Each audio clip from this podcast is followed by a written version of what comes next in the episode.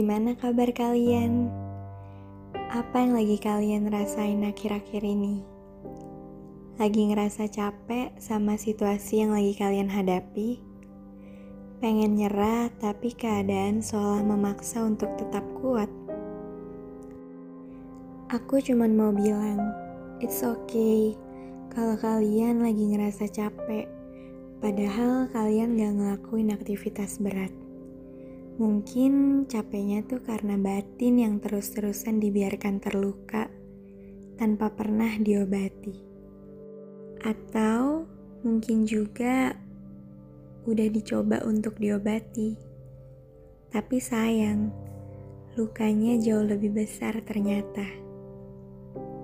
Atau mungkin bingung, gak tahu gimana cara ngobatinnya karena ngerasa udah saking kacaunya. Perasaan takut, gelisah, marah, kecewa, semua emosi itu bergumul dalam pikiran dan hati kalian yang akhirnya bikin kalian terus dihantui oleh perasaan yang gak bisa kalian cegah. Dan berujung membuat kalian hilang kendali untuk mengontrol diri kalian sendiri Selamat datang di podcast aku yang berjudul Untayan Rasa. Selamat mendengarkan.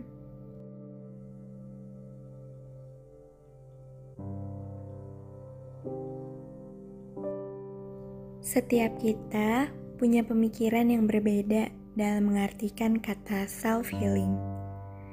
Dan gak sedikit orang menganggap bahwa self-healing itu berarti harus staycation yang jauh, harus ke tempat-tempat yang bagus. Intinya harus cukup secara finansial dulu baru bisa benar-benar ngerasain yang namanya healing. Padahal nyatanya nggak harus kayak gitu. Self healing itu pada dasarnya sangat simpel untuk dilakukan. Arti dari kata self healing itu sendiri adalah proses atau cara seseorang untuk menyembuhkan luka batin atau mental mereka yang diakibatkan oleh berbagai faktor, sehingga memicu terciptanya emosi serta tekanan yang membuat orang tersebut kesulitan untuk menghadapinya. Kalian bisa coba dari hal-hal kecil terlebih dahulu. Contohnya, belajar untuk mencintai diri sendiri terlebih dahulu mencoba untuk berpikir positif, terutama dalam menghadapi permasalahan, mencoba untuk lebih menerima diri sendiri, mencoba untuk berdamai dengan diri sendiri. Biasanya tuh kita sering banget kalau lagi scroll sosmed terus ngeliat public figure yang hidupnya kelihatan sempurna banget, baik secara fisik maupun non-fisik. Pasti otak kita mulai membandingkan hidup kita dengan apa yang ada di hidup orang tersebut. Ujung-ujungnya bikin kita jadi ngerasa insecure, overthinking, ngerasa kalau kalian kok gak seberuntung mereka ya. Tanpa kita sadari, hal-hal sepele kayak gitu yang perlahan-lahan membuat kita ngerasa terbebani, membuat kita berpikir negatif, dan membuat batin kita jadi gak sehat. Coba deh, luangin waktu sebentar buat me time. Terus kalian coba untuk nengok ke belakang. Udah banyak yang kalian lewatin. Udah banyak perjuangan yang udah kalian korbanin. Kalian adalah kalian gak bisa dibanding-bandingin sama orang lain. Prosesnya tuh berbeda. Udah ada porsinya masing-masing. Stop bersikap terlalu keras sama diri kalian sendiri. Kalian gak harus kayak orang-orang, baru kalian ngerasa kalian hebat, ngerasa berguna. Kalian hebat sebagai diri kalian sendiri. Belum tentu orang lain bisa bertahan sampai sejauh ini, kayak yang lagi kalian lakuin.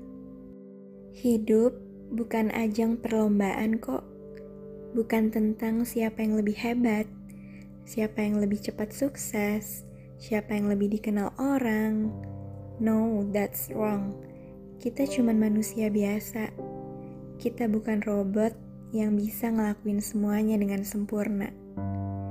Robot aja kadang bisa error, walaupun udah diprogram supaya sempurna.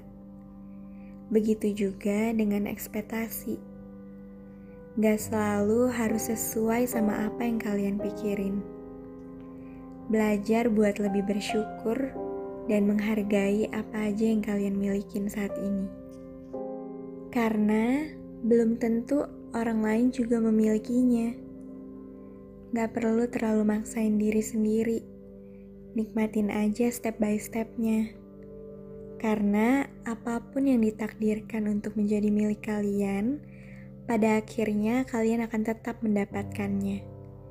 Semua hanya perkara waktu aja. Begitu juga sebaliknya. Mau dikejar kayak gimana pun, kalau emang gak ditakdirkan untuk menjadi milik kita, ya nggak akan bisa dapet. So, fokus aja untuk nyembuhin luka kalian dulu. Karena percuma kalau kalian fokus mengejar sesuatu yang malah bikin batin kalian semakin terluka.